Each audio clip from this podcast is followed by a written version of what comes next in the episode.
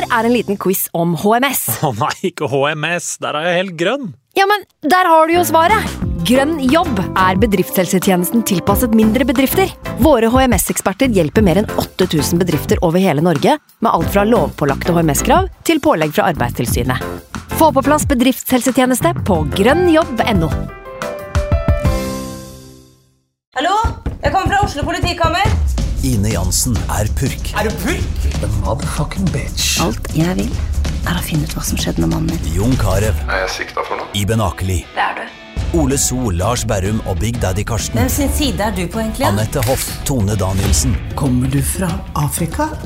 Jørnis Josef, Nesten. Kløfta. Trond Espen Seim, Det er synd å si det, men det var feil mann som døde. Purk. Premiere tirsdag på TV2 Play. I can't believe it. Football, bloody hell.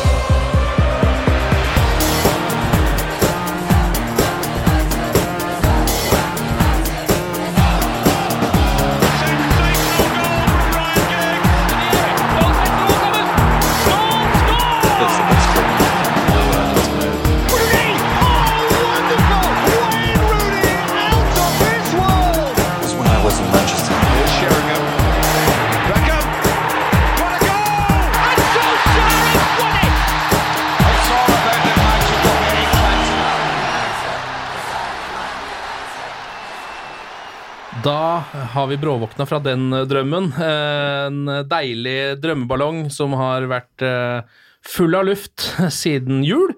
Og så var det bare et par små nåler, bare Så hadde det bare Og så var det kjørt, gitt. Ja ja, velkommen til United We Podcast. Eh, Lars Eide, eh, journalist, United-supporter, velkommen. Tusen takk for det. Eivind Brenhovd Holt, journalist, United-supporter, egentlig i samme jobb, siden du jobber i United ennå.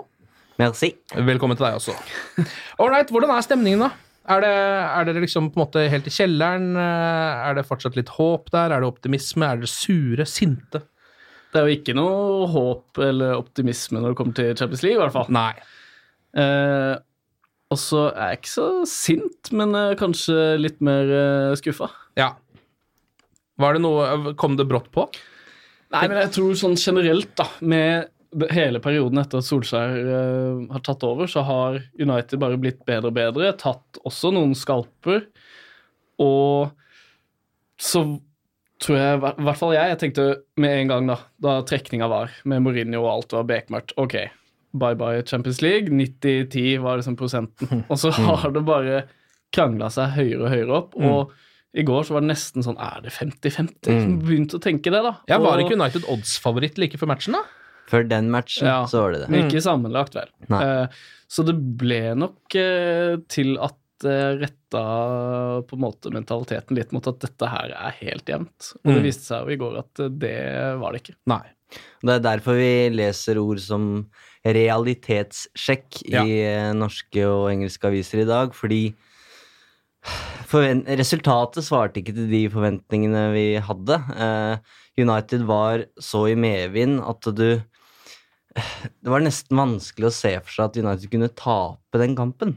Ja. Fordi de har jo ikke gjort det. Eh, vi må tilbake til 2018. Eh, og så kan du si at PSG den enkle konklusjonen her er at PSG rett og slett var på et høyere nivå enn United gjennom 90 minutter, og det er ikke så mye United på en måte kunne gjort med det. Eh, det er skuffende måten de kollapser på, men, men fortjent seier til PSG, greit nok. Men samtidig så føler jeg vi må ha, både som United-supportere og som uh, fotballfolk, så må man ha grave litt mer i det enn det. Um, og jeg tenker at det handler litt om summen av en del negative faktorer, da.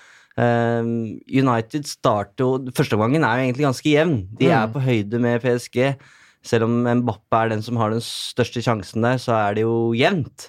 Og det er veldig tut og kjør, men United finner jo ikke den flyten som de hadde i helga mot Fulham. Den, den er ikke der. Det er vanskeligere å Det er masse gule kort, det er masse frispark, det er stopp i spillet, det er høyt tempo, de kontrer på hverandre, men United finner liksom ikke helt fram. Eh, og så er det skader på Lingard og Martial, som selvfølgelig ødelegger kampplanen inn. Du får inn Sanchez og Mata, som på en måte ikke bidrar med noe nytt. Så kommer 0-1, konsentrasjonsklipp på dødball igjen, da, eh, under Solskjær. Eh, som både han og Herrera sier etter match, det skal ikke skje. Eh, Og sa Matic at han Var det bare en verdens dårligste unnskyldning? At han hadde hø altså innbilt seg at DG sa et eller annet? Ja, har han sagt det? Ja. Ja, men han, han tok jo selvfølgelig ansvar for det, at han ikke markerte. Men Ja. at han hadde, tror at DG hadde sagt et eller annet. Så at, men jeg, jeg kan ikke se at han steger noe særlig ut, DG. Men burde han uh, vært der? Men eh, det var, her var noe faktisk Jeg var eh, innom den eh, Premier League-podkasten til Kasper Wikestad uh, i går, og da sa Erik Thorstvedt det at uh, David Hea er den keeperen i Premier League som er minst i feltet. Og Ja. plukker. Så det burde i hvert fall ikke være overraskende for forsvarsspilleren at han ikke kommer. Nei, det er eh, veldig nær streken der, men på reprisen så mener jeg du ser at Matic rett og slett mister mannen sin, da. Mm, ja. Eh, Kim Pembe ja. går litt bak ryggen hans, og så Ser litt forvirra ut i det Kim Pembe skårer. Da skjønner man litt at der har du faktisk glipp i. Ja. Mm. Og det, men det kan skje, tenker jeg. Eh, men så er det det granatsjokket som samtlige elleve spillere utpå der tydeligvis lider av. Fordi da er det rullegardina ned. Ja. Eh, det er, og det er nøyaktig det problemet som jeg husker at vi satt her og snakka om. Det Der gikk en kaffekopp i Nå går alt til helvete her. Uh, Trenger du litt papir, eller mens uh... Bare fortsett å øve. Ja. Det er litt av den samme panikken og desperasjonen som Lars uh, føler på nå. Altså, Hodemist. man, man eh, Når ting ikke går etter planen, hvordan reagerer man da? Ok, man havner bak eh, mot PSG på hjemmebane, det skulle ikke skje, men hvor, hva gjør vi da? Mm. Og det virker som at de er Ja, de, de, eh, de Det blir en slags panikk, og det blir en desperasjon som fører til en ubalanse. PSG kan kontre på United gang på gang der, og det andre målet ligger nesten litt i lufta. Det tar jo bare sju minutter. Ja. Eh, og så kommer de seg jo på en måte etter det. Mm. Eh, men det presset og det angrepsspillet som de etablerer etter det, er stort sett planløst, da. Ja. Eh, og så får du da den avslutninga hvor Paul Pogba mister hodet og, og blir utvist. Og da blir det en blåkopi, syns jeg, av det som var det største problemet under Mourinho. Det handler ikke om at vi nå, med en gang Solskjær er tapt, at vi skal dra paralleller tilbake til Solskjær.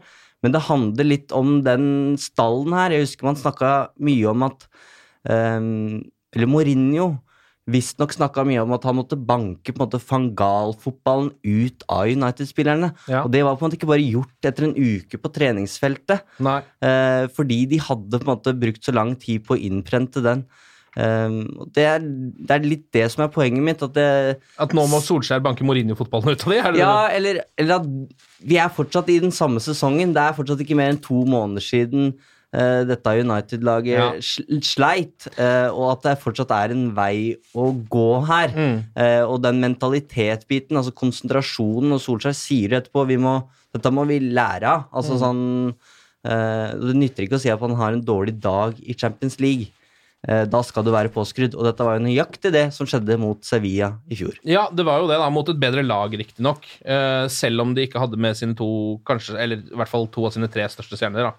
Cavani og Neymar ute. Jeg tror det, man ble litt blind på det også. Uh, har jo, jeg har ikke sett veldig mye Paris Saint-Germain. De få gangene jeg har sett det, så er det ofte i Champions League med Neymar utpå der. Det er liksom det, det PSG som jeg kjenner. Så jeg må innrømme det at jeg personlig kanskje undervurderte det laget litt også. Uh, før den kampen. Glemte litt hvor gode spillere som f.eks. Angel Di Maria, eh, som jo uh, var banens beste, nesten. To målgivende. Ja, og altså skapte det meste av det de eh, fikk til framover, var jo han som sto bak, han og Mbappé, liksom. Han var jo brennheit utpå der, dessverre, Angel Di Maria. Selv etter en liten tur i reklameskiltet fra Ashley Young. Ja, det var jo det- med at de Nå vet ikke jeg hva dere snakker om, for nå har jeg vært og henta noen papirer og sånn. Ja, men nå har du ryddet opp i eh, kaffesølet. ser veldig fint ut Ja, der ikke nå. mer kaffe, men jeg har tørka opp. Men uh, utover i andre omgang òg, så er det så tungt å se hvor bra uh, PSG var. Altså systemet. De spiller så bra, de har så mange pasninger, og de har liksom kontroll på kampen. Ja. Og med da de to av de største stjernene ute, så Mm. viser de uh, allikevel hvor godt maskineriet de har, da. Ja. Eh, Du så jo at eh, Thomas Tuchel eh, stå og veiva noe voldsomt med armene de første 15 minuttene der, eh, og de så jo bra ut for United også. Da var jo United eh, helt klart med, og også det beste laget på banen en periode. Um, og da skjønte jeg jo etter hvert, for noen ganger når man ser eh, manageren stå og vifte, så skjønner man ikke hva er det du prøver på nå, hva er det du vil med laget ditt akkurat nå? Men det skjønte man etter hvert, fordi han uh, ville at de skulle roe seg litt ned. spille ballen mer, Ja. ikke gå like heseblessende framover. For han så jo at United kontra på det hele tiden, vant ballen fra de, pressa høyt. Med en gang de begynte å roe seg ned og rulle ball, så var det akkurat som at eh, United ikke hadde noe medisin mot det. De klarte ikke å få tak i den ballen igjen. Eh, og mista hele momentumet sitt. Publikum ble stille. PSG-fansen var jo helt elleville gjennom hele matchen. Ja, det var mye lyd. Ja, det var helt sinnssykt. Jeg har aldri hørt sånn lyd fra bortefansen på Old Trafford. Det kan jeg ikke huske, nesten.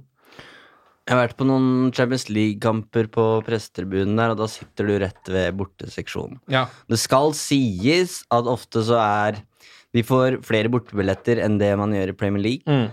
Eh, og det er som med United, da. Det er de som er hardcore, som, som reiser eh, til England fra Frankrike. Eh, og det hang jo, hang jo bannere der hvor det sto ultra, så dette er jo ikke Nei. Med fare for å fornærme noen, så er det ikke mannen i gata vi snakker om her. Nei. De står jo bar overkropp, så dette er jo folk, folk som er i Manchester for å vise at de er der, for Ja. å si det på den måten. Profesjonelle supportere, nesten, kan man kalle de. Ja, og jeg tror ikke det er 50 000 sanne franskmenn som venter United på, på stadion Park til Prins der. Nei. Nei, hvis vi skal plukke det litt fra hverandre vi kan jo, Det er jo eh, en del ting å ta tak i fra den matchen. Jeg vet ikke om Vi skal begynne med, vi var innom Angel Di Maria. Eh, eh, voldsom pipekonsert fra United-fansen. Ja, det Litt her, Jeg ble litt overraska det. det her tror jeg er kanskje det som gjør at det tapet her svir litt da, for mange United-supportere, faktisk. For jeg, eh, som jeg sa, PSG var jo rett og slett bedre. Eh, og så ender det med at de piper på, på Di Maria. Da tenkte jeg at ja Grunnen til det handler nok om at de føler at han ikke strakk seg langt nok for å lykkes i United. Han ga opp eh, for raskt, og så får han, blir han sendt inn i, i reklameskiltene der.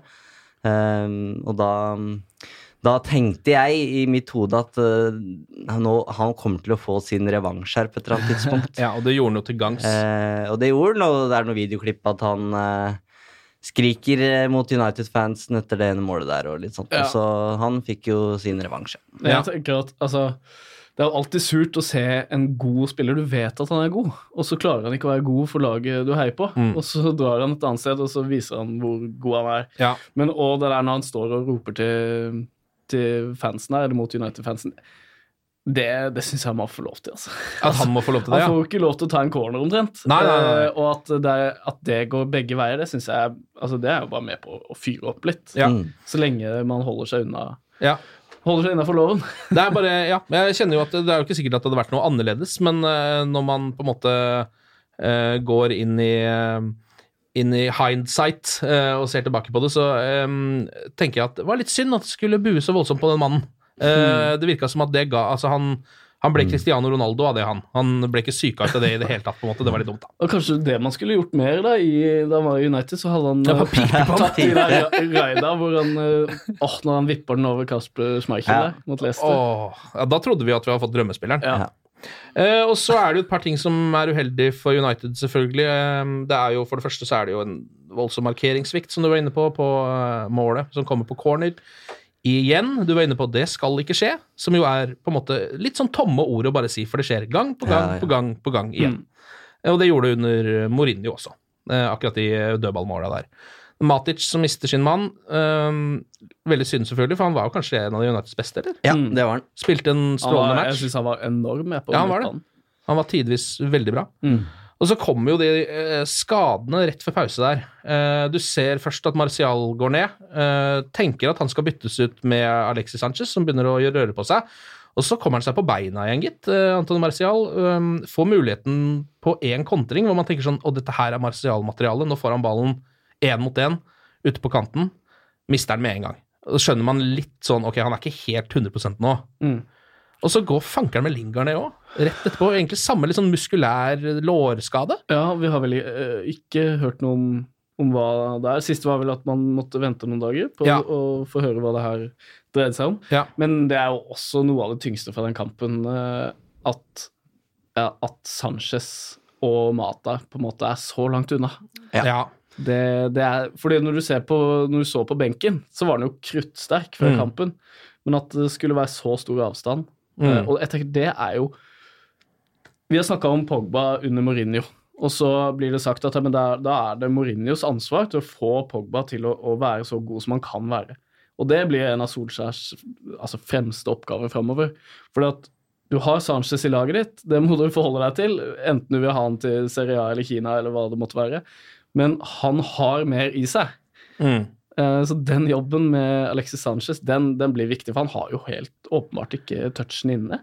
Han, han, han jobber jo godt, og men eh, Mister og ballen liksom på en måte nesten annenhver gang han har den. Ja, Jeg hadde sett deg i, i Sanchez sine sko i går. Han veit at han er et stykke unna laget. Han fikk ikke spille eller starte mot Fulham engang, når det på en måte var et litt sånn rotert lag som skulle, som skulle gjøre jobben der. Eh, og så veit du at nå får jeg 45 minutter på Old Trafford mot PSG i Champions League. Det er tidenes mulighet. De 45 minuttene der kunne han utligna resten av sesongen. Ja. Hadde han gjort en eh, knalljobb der, skåra et mål, eh, gitt United et håp om å gå videre eh, med, med en grei kamp i Paris, så er det helt sikker på at da hadde man på en måte sletta det som har skjedd, fordi folk vil at Alexis Sanchez skal lykkes, eh, og så går det ikke. Eh, men jeg, når det er sagt, så syns jeg det er for enkelt å en skylde på de to byttene, eller de to skadene, fordi United sleit med å etablere en flyt, Ja. og det handla om det kollektive. Det handla ikke om, uh, om enkeltspillere. Nei. Så det at uh, Sanchez og Mata kommer inn og ikke bidrar med all verden, jeg syns ikke det er det store problemet. Jeg syns det store problemet er Hvis vi skal peke på én mann, så syns jeg det er Paul Pogba. Ja, i den kampen. Ja. ja. Mm. Um, Men jeg vil også bare si at eh, du kan jo tenke deg altså PSG-forsvaret òg. De bruker noen eh, litt mindre prosent på å forholde seg til, de, til Mata og til Sanchez, som Ja. de gjør til eh, Lingard og, um, og Martial. Mm. Eh, så det tok liksom vekk noe av brodden. Sånn, hva kan United få til? Ja, tok jo også kanskje bort litt av det der høye presset som Solskjær prøvde på, eh, med litt to mer energiske mm. spillere foran der. Men ja, Paul Pogba. Det, det er jo bare at Ja, han man har eh, så høye forventninger òg, og han eh, klarte jo dessverre ikke å leve opp til det på tirsdag. Ja, det blir litt som at han nå har han vært symbolet på Solskjær-effekten, da. Og da tenker jeg at da, da er det på godt og vondt. Mm. Sånn at det betyr at når du når du er kongen mot Fulham, så må du faktisk være det mot PSG òg. Da kan du ikke på en måte gjemme deg bak det at ja, men lagkameratene er ikke gode nok, eller Mm. Ikke det at han har brukt det som en unnskyldning, men jeg veit at det er mange som vil gjøre det på vegne av Pogba. Mm. Ehm, og jeg syns at når han er den største stjerna, uh, riktignok ikke den som tjener best, men han er den største stjerna, så er han det på godt og vondt. Og det er i disse kampene han må brette opp ermene, altså. Han har vel ikke hatt noen sånn Um, kjempegod CV på de storkampene? Han han hadde det var jo den, City-matchen. City-matchen, Mm. eh, og så har han vel vært god mot Arsenal. Ja. Mm. Jeg bare innbiller meg at jeg har hørt akkurat den kritikken her liksom, i de storkampene et par ganger før. Så var han jo god i VM-finalen, så han kan oh, ja jo eh, Men, men, eh, men eh, det er samme som mot Sevilla i fjor. Da starta han riktignok ingen av kampene, men han kom jo inn Mm. uten å utgjøre en forskjell. da Ja. Og det er jo disse kampene her Det er jo Det er disse Ja. matchene som er så viktige, da. Og så begynte det jo ganske bra med den gode starten. Jeg husker ikke jeg hvilket minutt det var, men når Pogba dro på tur der på høyresida Mm. og tofotsfinta Ja, og, og fikk lagt inn. For det, det er også liksom en ny dimensjon av Pogba. Han har jo funnet ut at han er rask, Mm. så han kan jo bare beine forbi. Ja, langs Ja. høyrekanten der. Ja, Ja, ja. Helt Ja. uh, ellevilt. Og da var jeg så Da hadde jeg skikkelig go-en. Ja, da og Tenk, da Rashford kunne- bare prøvde å skyte i krysset på Buffon fra død vinkel også. Eh, fra på en måte ikke, ikke fra 20 meter bakover på banen, for 20 meter på siden. Det var ganske rått, syns jeg. Men for å illustrere da hvor uh, Hva skal jeg si Hvor langt unna United var å skape noe i denne matchen. Det skuddet til Rashford var det Ja. eneste de hadde på mål Ja, i hele kampen. det er- Det, kom etter åtte minutter. Det er direkte flaut, og det er veldig synd nå, fordi du ser jo på Gjennom hele kampen så jeg på Gianluigi Buffon at han var ikke egentlig helt klar for denne kampen. Altså jeg tror Hvis du hadde fyrt av noen skudd på han, så hadde du skåret mål. Han, Ja. jeg syns han så så usikker ut, selv på bitte små ting. Han hadde en del dårlige utspill. Veldig dårlig med beina, og også liksom litt sånn øh, nølende i feltet. Jeg tror, altså, jeg, Det hadde blitt mange returer hvis vi hadde klart å fyre av noen skudd på den eh, gamle mannen i Ja. den kampen. Jeg tror også han hadde hatt godt av et par kilometer på mølla i garderoben etter kampen for, for å få en skikkelig økt. Ja, han, ja, han gikk, for jo bare, gikk jo bare rundt utpå der. Uh, men kunne noe vært gjort annerledes med byttene? Jeg ser at det er noen journalister som tar til orde for at uh, Sanchez ikke burde kommet inn. F.eks. Ashley Young burde blitt flytta fram og satt inn Dalot eller lignende. Er det noe liksom noe verdt ser, å spekulere i? Hvis du ser på benken til City da, mot uh, Chelsea, Mm. 6-0-seieren David Silva, Riyad Marius, Leroy Sané og Gabriel Jesus. Det er grei benke, det. Det er en annen benk enn det United har, uten Ja. at vi skal ta noe fra, fra Mata og per navn Og Sanchez. Ja, og Sanchez og Lukaku. Men ja, og det er nettopp det som var min første tanke i går. Eh, to skader på offensive spillere til pause, eh, og det er ingen som egentlig reagerer på at Romelu Lukaku ikke, kommer inn. Nei, det er sant. Og Det sier litt om hvor han står, altså. Ja, ja, det, er, det, er, ja. det er synd. Han hadde jo den ene eh, voldsomt gode kampen der mot, det var vel mot Arsenal. Det var så bra. Ja. Var det ikke det? Hvor han mm. hadde en førsteomgang som var helt ut av Som høyre, høyre ving. Ja, så nesten som høyreving, ja. Ja. Som var nesten ut av denne verden til å være Romelu Lukaku. Ja, sånn i ettertid så kunne jo absolutt Lukaku kommet inn, og Ja. Det var en god periode, i hvert fall noen minutter, på sånn 70-75 der, hvor man fikk litt press. Ja. Og tenk å ha hatt Lukaku i boksen da. Ja, fordi han Han kom inn litt seint da, gjorde han ikke det? Når han først satte han inn i 83. minutt, eller hva det var? Ja. Ok, men jeg kan jo Jeg bare sånn føler at det er to måter vi kan eh, reagere på dette på. Mm. Eller eh, to måter å gjøre det på, liksom. To tankeganger man kan ha. Og det ene er jo at det er skuffelse, det er krisemaksimering, drømmen er ferdig. Ja. Eh, er jeg føler at det er liksom på en måte helt lov å tenke sånn også, etter at eh, man har svevd på skyer eh, siden jul. Eller så er det jo den andre at liksom eh, fra fø... eh, Altså, vi tro, hadde ikke noe tro på denne kampen i utgangspunktet. Mm. Denne PSG-matchen hadde ikke så veldig mye tro på å gå videre i Champions League i utgangspunktet. Laget har tatt mange, mange, mange, mange, mange, mange steg. Det ser ut som det er to år siden Mourinho var trener. Det er på en måte den andre, andre måten å tenke på. Den litt mer optimistiske, da. Ja, Vi får ta det med stolthet, tenker jeg. Det er mange som reagerer på de som sier at dette er avgjort. Men det handler jo på en måte om Du må jo se på de 90 minuttene. Selvfølgelig kan alt skje i Paris, men United var ganske langt unna. Sånn som Bjarte Valen eh, fra oss som var Paul Trafford, som skrev at det her var farlig nær sjakkmatt. Og Ja. det er jo det det er. Ja. Så Og jeg tror det er mange supportere som har en sånn strategi, da, om at du, du tar det tapet på forhånd istedenfor å gå og ha et håp nå fram til 6. mars, for så å bli skuffa igjen. Ja, ja, At du heller tar den positive overraskelsen. Ja, jeg tror eh, jeg kommer også til å ha det. Altså at det er ferdig. Og det må være lov. Og så kommer jeg til å få troa eh, idet fløyta går, Ja. og så kommer det til å gå et kvarter, og så er det borte. ja. ja, men det er viktig å ta vare på seg sjæl. Altså, man Min, minner dette her litt om Bayern i 2014? Ja. 2014? ja, det gjør det. Altså, da var det 1-1 på hjemmebane, eh, men man følte liksom at det var jo mot slutten av Moyes-tida, så, Mm. så ting sto ikke så bra til. Og da scorer jo Evra tidlig Ja, der med en det. kanon, Ja. og da husker jeg bare sto i sofaen og bare Ja, ja, ja. Wow, skjer det her? Skal det gå? Og så gikk det ett minutt, så hadde Bayern utlignet og hadde skjønt at her, det er over. Ja. Og da hadde det vært eh, mye deiligere å gått inn i den kampen og tenkt at dette går ikke uansett. Mm. På en måte. Så hadde man heller bare tatt det gode. Nei, ok, Skal vi eh, gjøre oss ferdig med PSG-kampen for denne gang og dele ut noen poeng til Uniteds tre beste spillere? Det er kanskje ikke det enkleste, men eh, vi må jo gjennom det, da. Mm. Eh, hvem har lyst til å starte? Vi, De Gea skal jo på topp, det er vi Mm. vel alle enige om. Ja. Også, um, Så har Matic en stor kamp, bortsett fra at han gjør altså den tabben som også ødelegger hele dobbeltoppgjøret på en måte i starten der, da. ja, det Ja, det skulle jo ikke skje. Det skjedde. Nei. Men um, Og de får gå gjennom alle rutinene for å sørge for at det ikke skjer igjen. Er det ikke det man sier? jo, det er det man sier. Eh, Men ja, jeg har fortsatt lyst til å ha han eh, som eh, nummer to. Mm. Eh, Jeg syns han hadde en ordentlig stor kamp på midten der. eh, Og så blir det vår lille midtbane-Terje på ett poeng. Andre Ja. Ja. Jeg, jeg syns han var bra. Eh, det er noe med frekvensen han har i beina som er så viktig for den måten United spiller fotball på med, med Solskjær. Jeg syns han var bra. Får et gult kort, selvfølgelig, men ja, jeg tror jeg holder han foran Matic, faktisk. At det blir tre til Digea, to til Herrera, ett til Matic. Ja.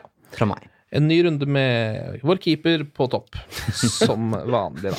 Ok, noe som eh, var langt hyggeligere, var jo eh, seieren over Fulham i Premier League eh, rett i forkant av PSG-oppgjøret. Mm. Det skal vi snakke om nå, gutter. Det Ja. blir jæskla hyggelig. Nå gleder vi oss. Det var gøy. Ja, det var gøy. Det virker som et fjernt minne, Ja, det det, der. ja, og det er jo kjempekort tid siden. Mm. Eh, men eh, ja, det virker, plutselig så har liksom alt snudd da i løpet av én kamp.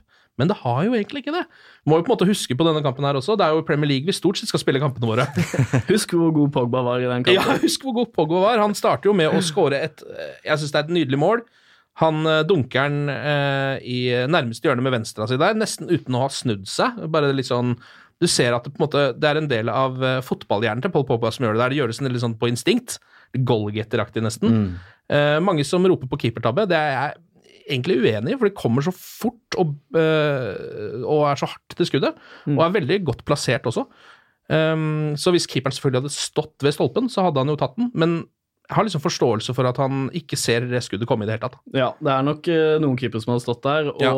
i til, altså, kombinasjonen av at han Rico da ikke står så nærme stolpen som han kanskje burde, i tillegg til at han da tar ett steg ut med venstrebeinet sitt, Ja. gjør at han er sjakkmatt. Men Ja. jeg, jeg syns heller ikke det er noe klar keepertabbe, altså. Nei.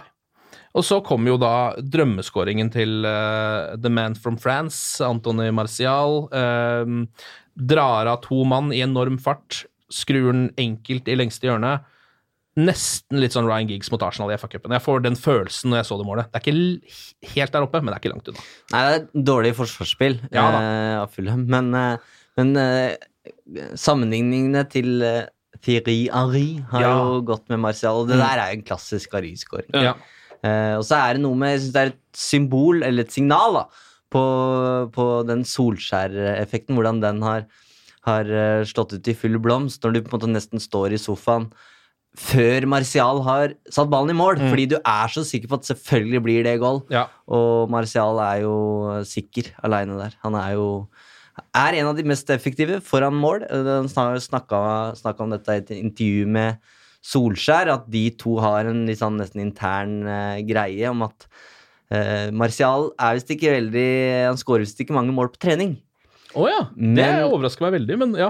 Men når han får muligheten i match, så, så trenger han ofte bare én sjanse. ja. Så Kanskje han ikke mye latter, sier Marcial. Når han kommer i den posisjonen nå, så virker det som at det virker så enkelt å Ja. score. Det virker Ja. som det er 15 meter med plass Ja. som man kan sette ballen. Ja. Og det er liksom ikke noe tvil. da. Det virker som at timinga på når han skyter, da, og når keeper kommer litt ut, at den sitter så godt at det er bare Mm. sjanseløst for keeperen. da. Mm. Ja, det er litt, jeg tror det stemmer litt, da, fordi du, eh, han, hvis han bruker et eh, nanosekund lenger, så blir han tatt igjen, på en måte. Eh, og hvis han går et steg lenger fram, så kommer keeperen ut og tar den. Så han er jo Han nailer den timinga der, da. Ja. Mm. Og så er det jo Solskjær-flyten, da, Eivind, for det er jo før kamp, da Rashford ikke starter. Mm. så, så parerer jo Solskjær med en gang med at men hallo, vi har Martial. Han er rask, og han kan eh, alle disse tingene som Rashford også kan. Mm. Og så går han og Og gjør så det. bare han, skårer han et av sesongens fineste mål. Ja. Um, og det, det her var jo litt Jeg syns det var en sånn ekstra imponerende kamp for United, og kanskje sånn for Ole Gunnar Solskjærs del, da, fordi han roterer jo på laget, som vi var inne på. Mm. Uh, har Rashford ute. Han på en måte bygger perfekt opp til den PSG-kampen. da Er jo drita heldig med alt som skjer i den kampen. Forvilt i de rette spillerne. Mm. Um, noen spillere som ikke pleier å spille, gjør en bra match. Um, og så, Nå viser det seg jo at det ikke hadde så mye å si til slutt, men, men det var ikke hans skyld. Nei, det var eh, Det var holdt på å si smart eh, av Solskjær måten han løste det på. Perfekt oppladning. Uh, fikk den kampen inn i sitt spor tidlig, avgjør, og kan ta Pogba og Rashford eh, tidlig der. Så det er helt perfekt. Glemte vi å nevne at eh, mannen som har eh, assist på Martial-målet ja, vi må snakke om Phil Jones. Ja, det er Phil Jones! Ja, han, eh, han er så god. Ja, for en kamp han hadde. Ja, han gjorde, han gjorde alt rett. Han er så god til å være liksom, tett oppi. Han nøytraliserte jo eh, Mitrovic Mm. eh, i alle dueller. Han blokkerte, han var på raid, og han hadde assist, og han hadde et skudd Mm. eh, som faktisk ikke var så halvgærent. Nei, det holdt på å gå inn. Eh, Så jeg tenkte også faktisk før PSG-kampen at det hadde ikke vært noe krise om han hadde starta foran Bailly. Nei, det hadde jo absolutt ikke vært det. Eh, Så akkurat der så står eh, United ganske sterkt nå, syns jeg. Ja. ja, plutselig på midtstopperplassen, ja. Og det mange snakker om nå, er jo hvordan Solskjær skal reagere på det tapet her. Da. Det er jo det man har snakka om hele veien. Hva når hverdagen kommer? Og nå Mm. er jo hverdagen her med et eh, 0-2-tap for PSG.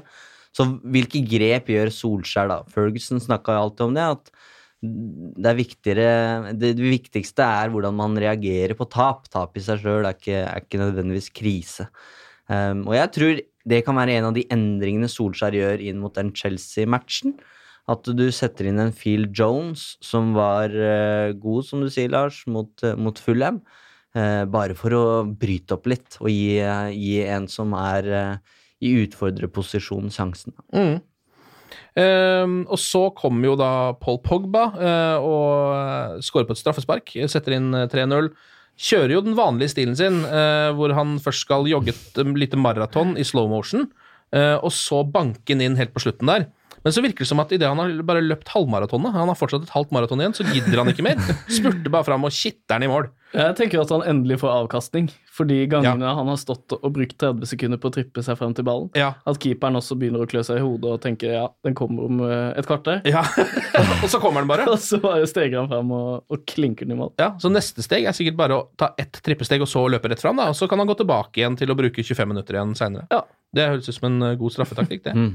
Skal vi dele ut uh, noen priser til de tre beste United-spillerne? Det er litt enklere her, er det ikke det? Jo, i motsetning til mot uh, PSG så syns jeg Pogba var uh, banens gigant Ja. eh, på Craven Cottage. Så er det jo de som er i måla, da. Martial, eh, meget god. Bør Ja. få poeng, mener jeg. Har også en målgivende til Pogba. Ja. Eh, og hvilke andre? Altså Phil Jones hadde jo Phil en stor Jones, ja. kamp. Phil Jones, jeg må jo inn der, selvfølgelig. Ja, Ja. Det, det fortjener han. Ja. Så da er det Eh, Pogba på tre poeng? Ja, jeg vil, jeg vil veldig gjerne ha to poeng på Phil Jones. Ja, Altså. det skal du få lov å gi. Ja, tusen takk. og, Og så blir det ett på Martial fra meg. Ja, jeg bytter de to siste igjen. Ja, Ja, du bytter de to siste igjen, ja. Det er bra. Det er likevel Paul Pogba da, som eh, blir banens beste i den matchen der. Mm. Um, hva har dette å si? Altså, nå er det de to siste matchene nå. En uh, brakseier mot Fulham og et uh, litt ydmykende tap mot PSG. Det er liksom Ole Gunnar Solskjærs fasit. Hva har det å si for hans ehm, videre ansettelsesmuligheter, tror dere, i Manchester United? Jeg har sett at eh, en journalist som heter Henry Winter skriver i The Times. Um, han mener at den PSG-seieren kan man ikke sette som en- på minussiden når man skal eh, summere opp Solskjærs eh, periode, da. Fordi at han mener at det fortsatt er troppen som er for dårlig, da. Ja, det tror jeg er den kall populære forklaringa Ja. på det tapet her. At Solskjær kan ikke utrette mirakler. Um, og som vi snakka om innledningsvis her, PSG var bedre over 90 minutter, og du ser hvilken backup de har, kall det backup, eh, for Neymar og, og Ja. Cavani. Eh, så det er ikke noe tvil om at det United-laget her trenger forsterkninger. Det tror jeg vi Og du må huske på at de det laget her har egentlig ikke blitt forsterka siden Alexis Sanchez. Nei. Eh, skal, du, ja, ikke sant? Skal, skal man stryke den nå, så må du tilbake til eh, sommeren eh, 2017. Ja. Stemmer ikke det? Jo. Ja, du har Fred oppi her, da. Uh, ja, men han har jo ikke vært en forsterkning. Og, og jeg har fortsatt ikke gitt opp eh, Fred. Altså, jeg tror bare han trenger noen matcher før vi får se hvem han egentlig er. Så kan det godt hende at han ikke er god nok, men, men han uh, Vi må få se han mer før, vi, før han gis opp. Uh, Kosta jo 50 millioner.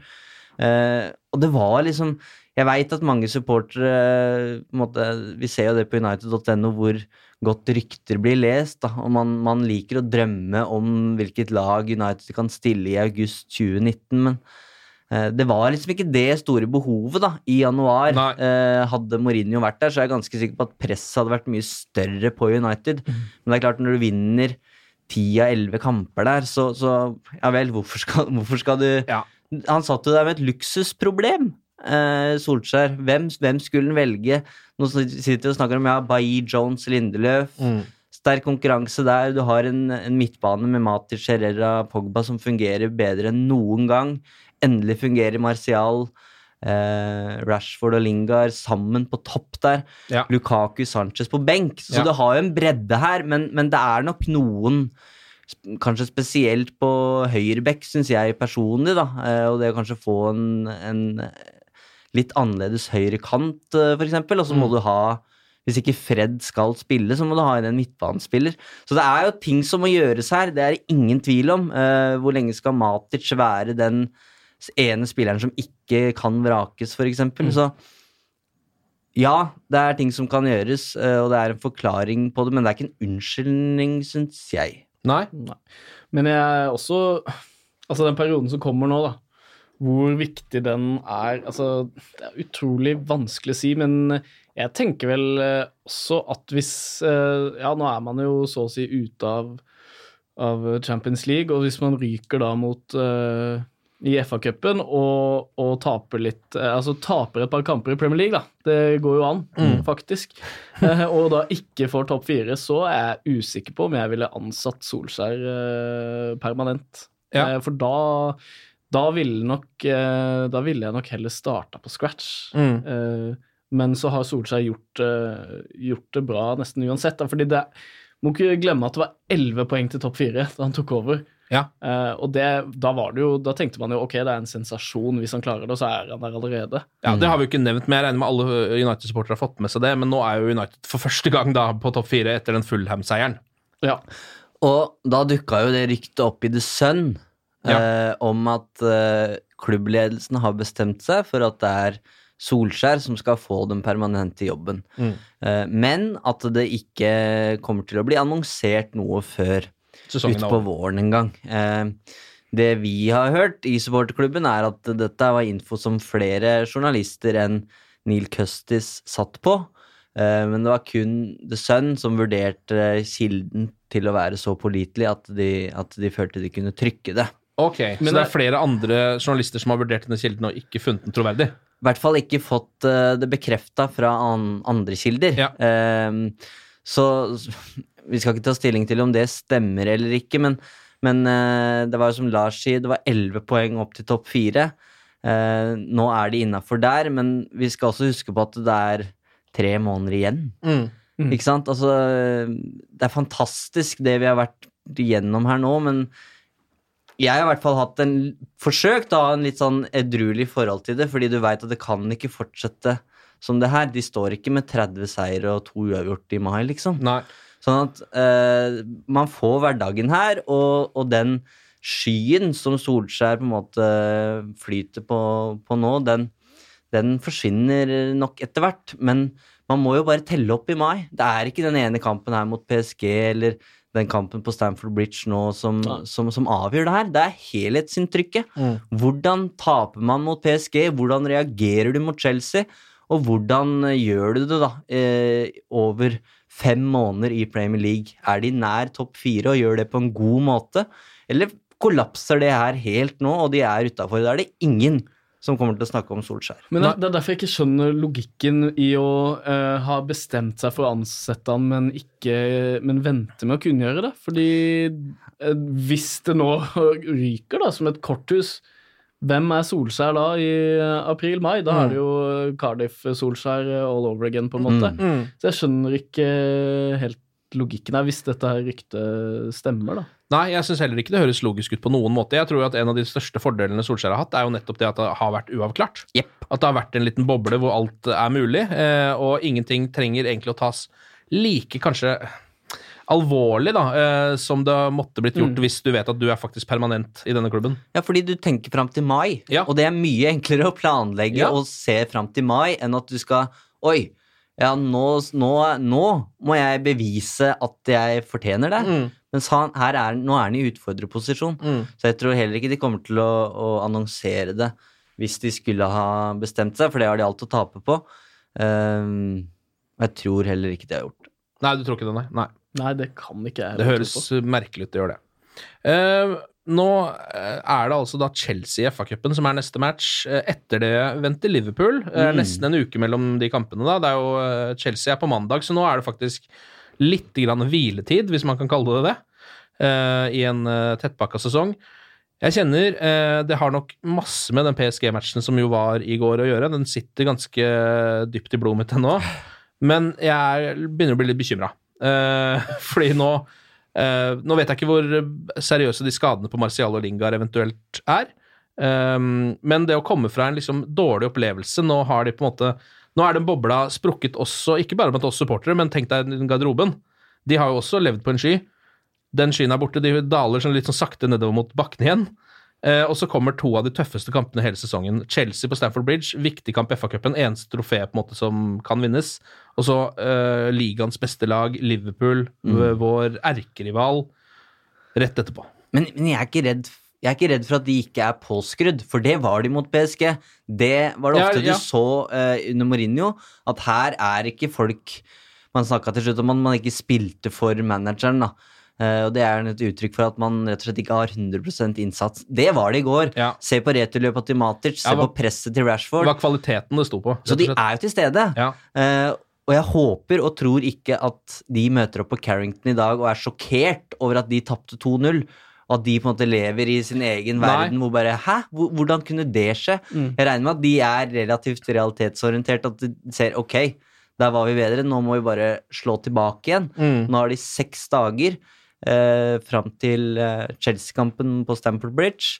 Eh, det er god tid til å, å plukke seg opp. De har visst forsøkt å få til en ny sånn treningsleir utenlands, men det var litt for kort Mm. tid til at de klarte det.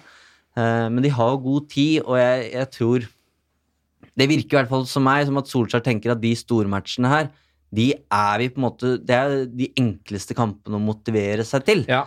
Um, for han, han omfavner de jo, og det tror og håper jeg at eh, spillergruppa kommer til å gjøre òg, selv om de nå har tapt sin første kamp. Ja, for jeg, jeg vet ikke om jeg tenker at det nødvendigvis er motivasjonen det står på. Jeg bare lurer på hvor mye av den eh, flyten de har hatt, og den, den gode fotballen de har spilt, som står på ekstrem selvtillit og en slags følelse av uovervinnelighet. Skjønner du hva jeg mener? Altså, den, Mm. det, det kan man komme ganske langt med i fotball, da. Eh, vinner du én kamp, så vinner du fort noen på rad. Det er jo litt sånn det noen ganger funker i fotball, rett og slett. Så jeg bare håper at liksom ikke at ikke de kommer ut på der og har mista litt av den troa på dette. At ikke motivasjonen kan godt være der, men at det rett og slett er sånn at de at det var en såpass stor eh, reality check at de eh, ikke lenger har helt troa på at de er så forbaska gode. Ja, sånn. Jeg tror heller ikke den er borte. Altså, for jeg, jeg tenker også at Det er mange av de spillerne under Solskjær som på en måte har fått heva taket over hvor gode de kan være. da. Mm. Eh, så nå vet de det uansett. Ja. Selv om de har fått én i fleisen, så vet de hvilket nivå de har inne, og som de har vist eh, de siste to månedene. Mm. Og så er jo det Chelsea-laget ikke akkurat helt oppe og nikker, da, det må vi jo kunne si. Ja, jeg tror den følelsen sniker seg inn hvis, det, hvis de stanger også mot Chelsea. Det er jo et lag som slapp inn seks mål mot Manchester City, så jeg tror sjansene kommer på Stamford Bridge. Mm. Ja. Det er ingen tvil. eh, Det, det tror jeg ikke skjer.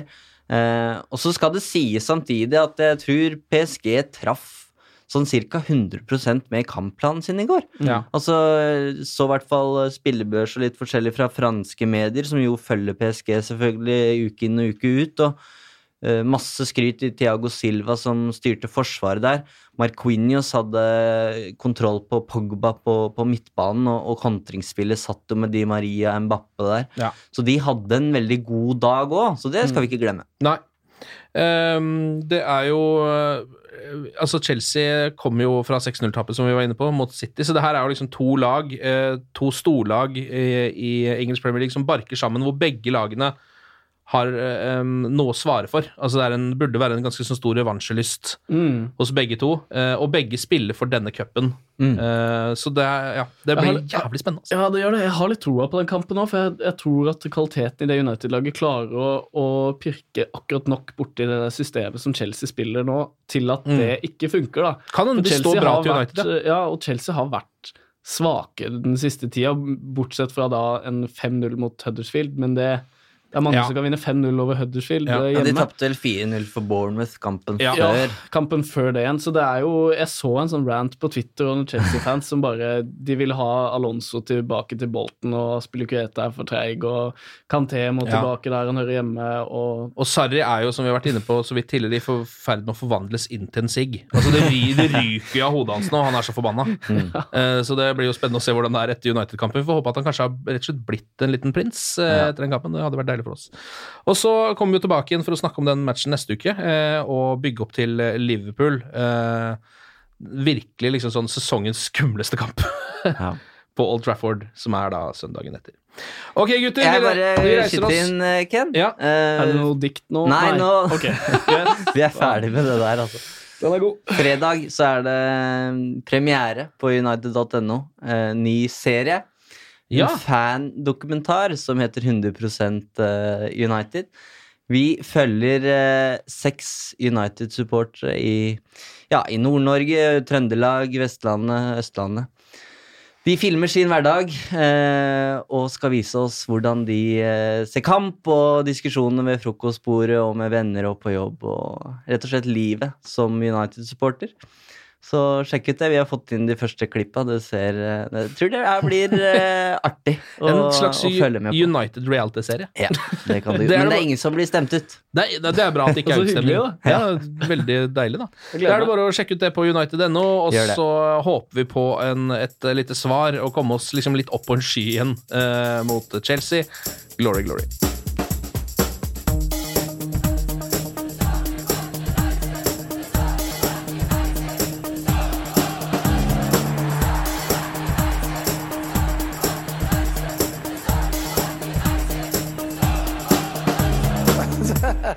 oh, it's true. I've seen many things. Moderne media. Ukens annonsør det er matkasseleverandøren Hello Fresh. Der kan du velge mellom 25 ulike oppskrifter hver uke, eller få Hello Fresh til å sette sammen en meny for deg. Jeg sparer tid på å handle, oppskriftene er veldig enkle å lage, og så får jeg akkurat det jeg trenger da, til hver eneste rett, så jeg slipper å kaste så mye mat som jeg vanligvis gjør. Det er også litt deilig å faktisk slippe å gå på butikken, ikke bare fordi det er tidkrevende, og sånn, men fordi man ender opp med å kjøpe så mye greier som man egentlig ikke trenger, sånn som fire poser eh, Smash og en kick med havsalt, eksempel. Det er ikke det du egentlig er der for, du er der for å kjøpe, kjøpe middag. Så det er en veldig eh, kjekk ting. I tillegg så er det jo eh, ferdigporsjonerte ingredienser, det blir mindre matsvinn, og du betaler bare for det du faktisk trenger, og det du faktisk da spiser. I tillegg så blir det da levert på døra til et fastsatt tidspunkt, sånn at du kan få det akkurat når det passer for deg eh, sjæl. Hvis HelloFresh høres ut som noe for deg, så har jeg en rabattkode du kan bruke også. Gå inn på hellofresh.no og bruk koden HelloUnited24. HelloUnited i ett ord, også 24, og få opptil 1779 kroner i rabatt på de fem første matkassene dine hvis du ikke har prøvd Hello Fresh ennå. Du kan også bruke koden hvis du tidligere har vært kunde, men har stoppa abonnementet ditt for tolv måneder siden eller mer. Det er ingen bindingstid, og du kan pause eller avslutte abonnementet ditt akkurat når du selv måtte ønske. Husk koden HelloUnited24, og bon appétit! Ukens annonsør er Folio, en smartere banktjeneste for deg som har en egen bedrift eller ønsker å starte for deg selv. Folio er en superenkel nettbank for bedrifter. Som kunde i Folio får du en bedriftskonto med et bedriftskort og app. I denne appen er det smarte løsninger som forenkler regnskapet ditt, uansett om du har en liten bedrift eller et enkeltpersonsforetak. Folio er både intuitivt og brukervennlig, og er laget med et enkelt språk. I tillegg tilbyr de forutsigbare priser og ingen skjulte gebyrer. Skulle du likevel trenge det, så kan du snakke med deres raske og hyggelige kundeservice, og der får du prate med en faktisk person og ikke en chatbot. Folio er med andre ord både enklere og koseligere enn banken. Over 10 000 bedrifter har allerede valgt Folio som sin banktjeneste, så besøk folio.no og se hvordan Folio kan forenkle din hverdag også. Har du et enkeltpersonforetak eller en liten bedrift? Da er du sikkert lei av å høre meg snakke om hvor enkelt det er med kvitteringer og bilag i fiken, så vi gir oss her, vi. Fordi vi liker enkelt. Fiken superenkelt regnskap.